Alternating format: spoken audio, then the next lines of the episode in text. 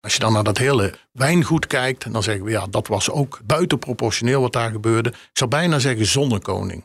Als je kijkt naar de reizen naar Dubai, zonnegoord. Hij, eh, het was een vorst die eh, alleen maar het beste van het beste wilde. Dat typeerde deze man wel. In ieder bedrijf komen wel eens declaraties voor die niet 100% zakelijk te noemen zijn. Maar wat als je baas en eigenaar van het bedrijf een loopje neemt met werkelijk alle financiële regels die je maar kunt bedenken en het bedrijf ziet als zijn persoonlijke speeltuin, zelfs nadat het bedrijf verkocht is aan een andere buitenlandse partij? Dat overkwam medewerkers van een Nederlands bedrijf dat internationaal opereert. Dit is Fraudesignalen, een nieuwe podcastserie van Hofman waarin ik, Sander Denneman, in zaken duik waar Hofman onderzoek naar heeft gedaan. Iedere aflevering stuurt Martijn van der Beek, directeur bij Hofman, mij op pad met een dossier. Ik zoek Martijn op bij het kantoor van Hofman in Almere. Goedemiddag, Hofman. Hi, met Sander Renneman. Ik uh, heb een afspraak met Martijn van der Beek. Ja, uh, u mag even naar de derde verdieping komen. La langs de linkerkant, alsjeblieft. Zo. Hey Martijn. Eenmaal aan tafel, kopje koffie erbij, duik ik met Martijn in de materie waar Hofman mee te maken heeft. Martijn van der Beek. Ik ben inmiddels acht jaar directeur bij Hofman. En daarvoor werkte ik twintig jaar bij de politie. Uh, ik altijd van mijn, uh, mijn, mijn werk uh, was altijd onderzoek doen. En dat is het eigenlijk tot op de dag van vandaag nog steeds. Alleen nu leid ik een bedrijf wat uh, onderzoeken doet door heel Nederland. Ja, want, wanneer moet je Hofman bellen? Nou, eigenlijk bel je Hofman als je een probleem hebt waarvan je zegt... het is beter dat een ander daar onderzoek naar doet. Dus je wil weten wat is nou aan de hand. Je hebt signalen dat dingen mis zijn. Uh, dat er fraude gepleegd wordt. Dat er iemand met je informatie vandoor gaat. Dat je last hebt van ransomware. Dat je computers vergrendeld zijn. Dat je uh, gevraagd wordt om losgeld te betalen. of dat je, zoals in de laatste tijd veel ziet, signalen hebt dat er sprake is van ongewenst gedrag. Hofman is van oudsher een bedrijfsrecherchebureau, wat we tegenwoordig interne onderzoeken noemen. Maar ze werken ook veel aan preventie, aan het voorkomen van misstanden in bedrijven. Um, ik vraag Martijn waar zijn passie ligt. Nou, ik vind het alle twee mooi. Ik vind het onderzoek doen nog steeds geweldig. Uh, maar ik kan ook echt wel van genieten als we een mooi traject hebben gedaan om, om met een klant nou eens uit te zoeken hoe het nou kan dat bepaald gedrag steeds weer terugkomt. Wat, wat, maakt nou dat dat gedrag in die organisatie zo, uh, zo toch wel veelvuldig voorkomt? Terwijl iedereen weet dat het niet de bedoeling is, maar het gebeurt wel. Nou, en dan zie je dat klanten heel snel de neiging om allerlei maatregelen te nemen. En dan zeg ik altijd van, ga nou eerst gewoon goed onderzoek doen naar wat de oorzaken zijn voor dat gedrag. En dat doen wij dan niet met, uh, zoals je nu naar mij kijkt, oud-politiemensen. Maar dat doen we met gedragswetenschappers, met sociaal psychologen. En als we dan snappen hoe het zit, nou, dan kunnen we zo'n klant goed adviseren. Ik ga aan de slag met, uh, met zes zaken, met zes uh, casus die in jullie praktijk tegenkomen. Wat, wat ga ik tegenkomen in deze serie? Nou, in deze serie gaan we je een inkijkje geven uh, in onze dagelijkse praktijk. We hebben zes zaken geselecteerd die wat vaker voorkomen. Um, en daar, daar, daar, ga je van alles over, over horen en zien. Martijn, ik, ik kan niet wachten om aan de slag te gaan. Ik ben heel erg benieuwd hoe, hoe jullie praktijk eruit ziet. Wat is mijn eerste case? Nee, de eerste case is een situatie die we, die we toch wel vaak zien. Het uh, heeft te maken met een overname. Uh, op het moment dat een bedrijf wordt overgenomen door een ander bedrijf, uh, dan blijft de directeur vaak aan. En daar moet je wel goed, goed toezicht op organiseren. Die, okay. die, die, directeur moet in dat nieuwe bedrijf wel gaan aarden. En er moet ook een vorm van toezicht op organiseren. En doe je dat niet, kunnen er dus dingen misgaan. En dat okay. zien we dus relatief vaak. Een overnamesituatie dus, waarin de voormalig directeur groot aandeelhouder aan het roer blijft als CEO. En dan gaat het mis. In deze aflevering spreek ik Thijs, de Hofman-onderzoeker van dienst, fusie- en overname-expert Jeroen Verkouteren en Hofman-preventieadviseur Renske. Oh, en uh, omdat de mensen van Hofman ook nu betrokken zijn in onderzoeken en daar discreet moeten kunnen handelen, gebruik ik alleen hun voornamen. Ik begin dit dossier bij Thijs. Ik ben Thijs. Ik werk bijna 31 jaar bij Hofman. Ik ben een van de senior bedrijfsrechercheurs. Ik ben een van de weinigen die alle werkzaamheden binnen Hofman kan doen. En uh, ja, ook dus uh, het doen van fraudeonderzoeken behoort tot mijn takenpakket. En Thijs vertelt hoe deze zaak aan het rollen is gekomen. Het is een Nederlands bedrijf. Ehm, het, is, het is een vrij bijzonder bedrijf, want ze zitten internationaal.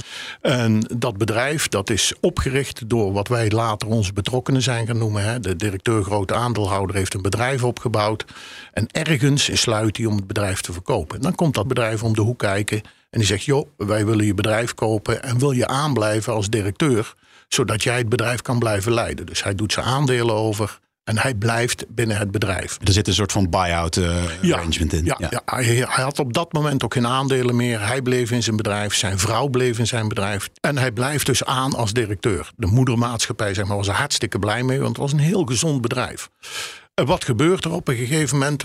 Als je directeur grote aandeelhouder bent, kun je doen en laten wat je wil met je bedrijf. Uh, hij zette dat gedrag voort. En uh, er was een boekhoudster, een, een, die, die zag dat soort dingen gebeuren. Want die kreeg facturen binnen. Die zij op een gegeven moment in het systeem moest werken. Die ze betaalbaar moest stellen.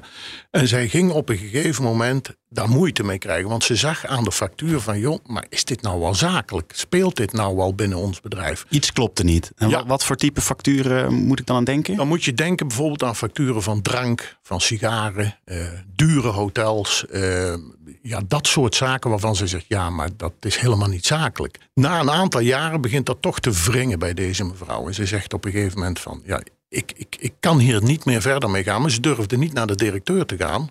En te zeggen van, joh, luister, dit klopt niet. Wat doet zij op een gegeven moment? Dat zie je wel vaker. Ze gaan naar iemand in het bedrijf die ze vertrouwen. En ze gaat naar een collega en zegt, joh, luister, ik, ik zit met mijn geweten.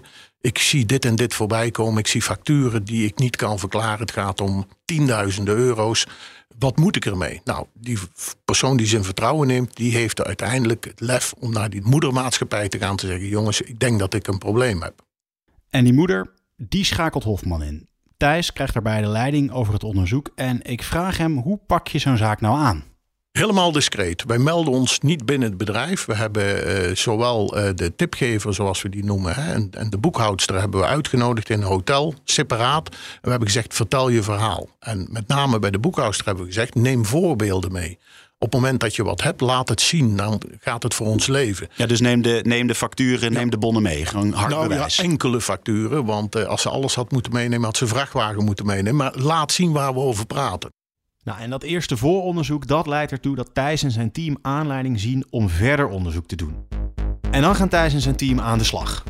Toen kwamen we binnen als medewerkers van Hofman en we zijn begonnen. In een archiefruimte hebben we een administratie hebben we doorgenomen. En dan moet je voorstellen, dat waren wellicht 500 uh, dossiermappen die we hebben doorgenomen. En in iedere dossiermap zaten 400 uh, uh, stukken in. Ja letterlijk ieder document tegen het licht gehouden en gezegd: wat zien we hier? We zagen op een gegeven moment een hele hoop uitgaven waarvan we zeiden dat heeft een privé karakter. Als je bijvoorbeeld kijkt naar uh, iemand heeft uh, iedere week of om de twee weken heeft hij een factuur die komt van een bedrijf, een Belgisch bedrijf, die levert sigaren, die levert whisky, die levert uh, speciale bieren. Dan zeggen we ja, dat zien we niet terug in het bedrijf. Dat is bijzonder. Dus die facturen leg je allemaal apart. Ja. Wat we ook tegenkwamen, dat vonden we ook wel opvallend, is dat er heel veel reizen naar Dubai werden gemaakt. En dat vonden wij toch wel bijzonder, want als we kijken naar Dubai, daar had het bedrijf wel een soort nevenvestiging, maar dat was één keer per jaar dat dat bedrijfje bezocht werd en dat was het. Ja. En wij kwamen maandelijks kwamen wij uh, tickets tegen, business class tickets naar Dubai. Uh, in het duurste, letterlijk het duurste hotel van, van Dubai werd er verbleven. Whisky, sigaren, tripjes naar Dubai. Alleen al uit het onderzoek van de administratie kwamen behoorlijk wat transacties naar boven die niets met de bedrijfsvoering te maken hadden. De directeur zette privé aankopen op rekening van de zaak. Maar gebeurt dat eigenlijk niet in ieder bedrijf? Ik vraag het overname-expert Jeroen Verkouteren. Uh, Jeroen Verkouteren, partner bij Factor Bedrijfsovernames. Ik adviseer ondernemers in zowel in de verkoop- en de aankoopsfeer om een bedrijf te verkopen. Hoe gek is dit gedrag van deze DGA?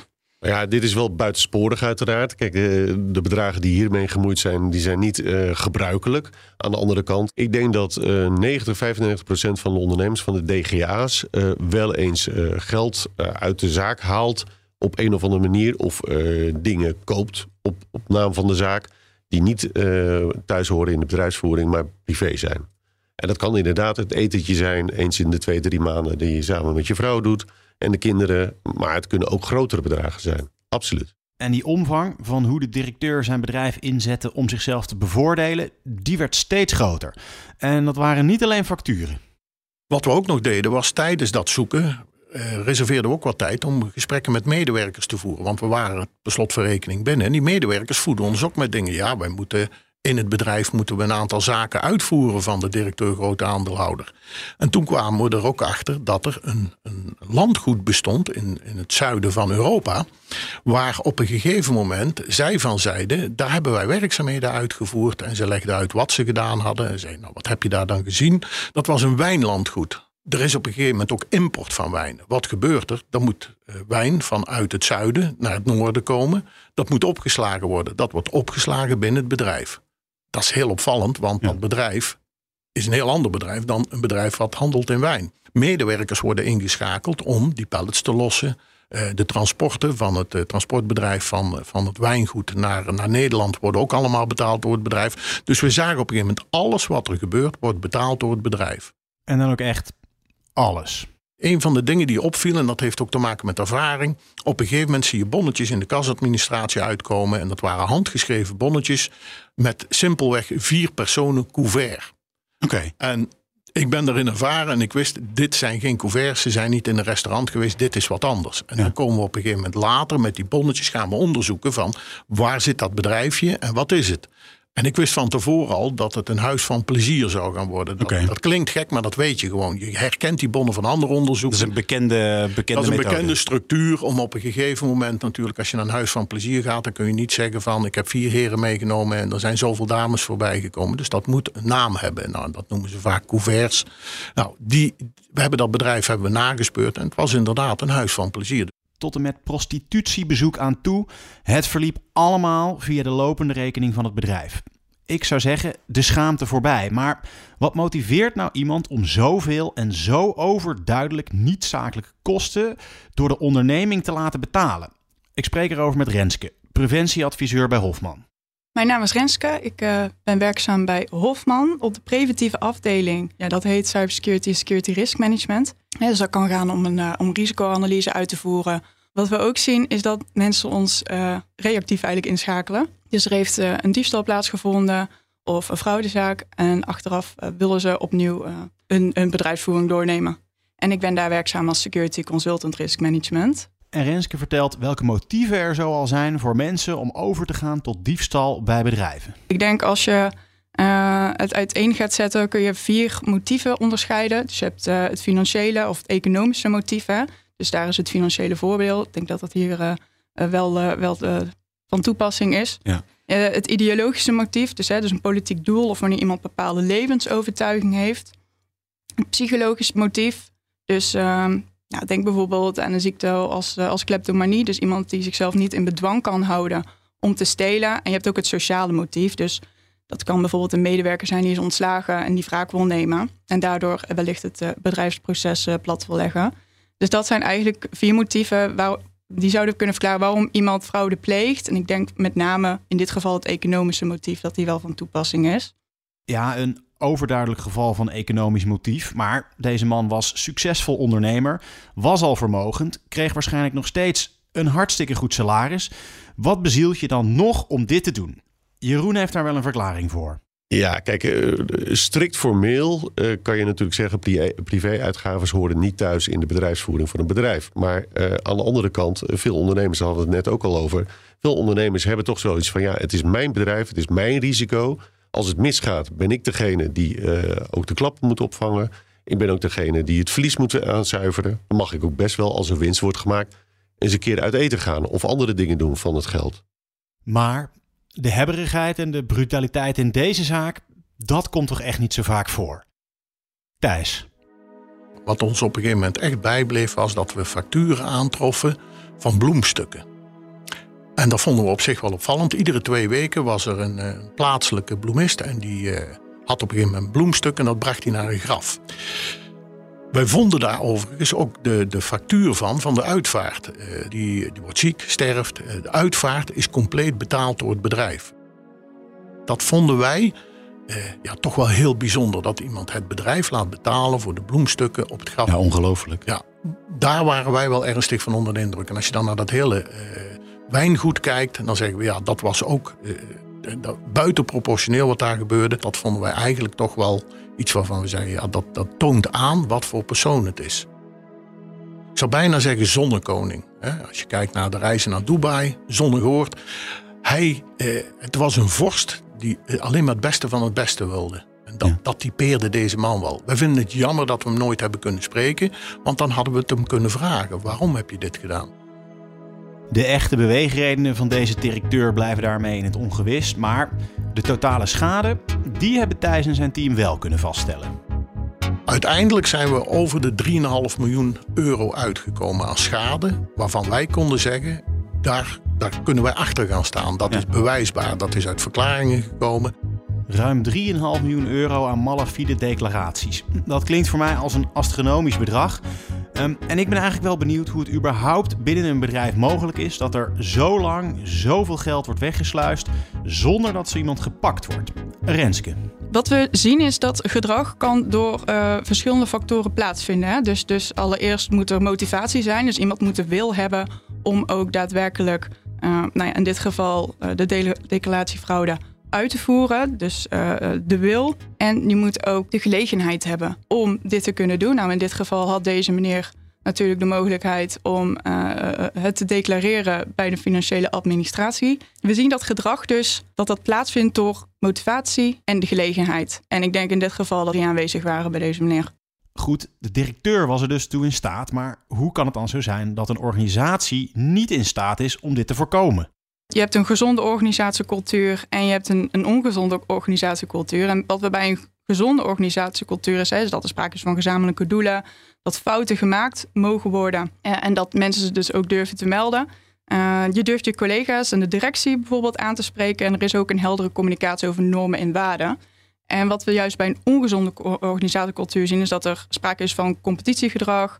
Er is geen ruimte voor fouten en je wordt ook op je fouten afgerekend. Dus wellicht dat de mevrouw die de factuur voor zich zat, wel een vermoeden had van dit klopt niet helemaal, maar dat ze dus bang was om het te melden aan iemand, want misschien was het wel niet waar, misschien heeft ze het wel niet goed gezien en dat ze daarop afgerekend zou worden. Het gaat iemand wel om iemands uh, baan wellicht. Er is ook in een ongezonde organisatiecultuur een sterke hiërarchie aanwezig.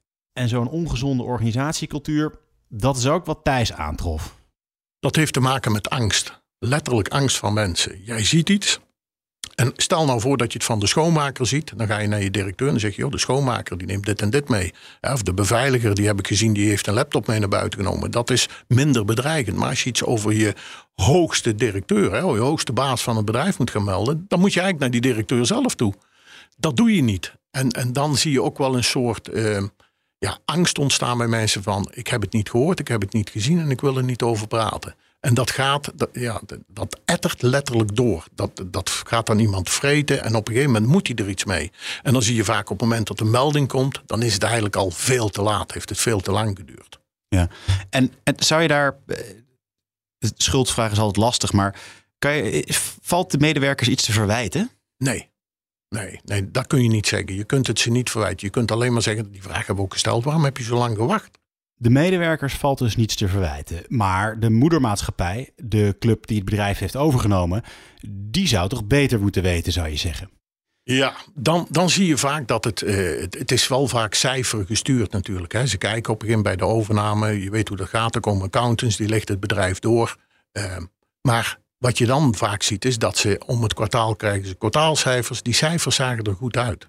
En op het moment dat de cijfers er goed uitzien, zie je dat de controle wat minder wordt. Dat ze zeggen: oké, het loopt goed. We hebben geen rode cijfers, we hebben zwarte cijfers.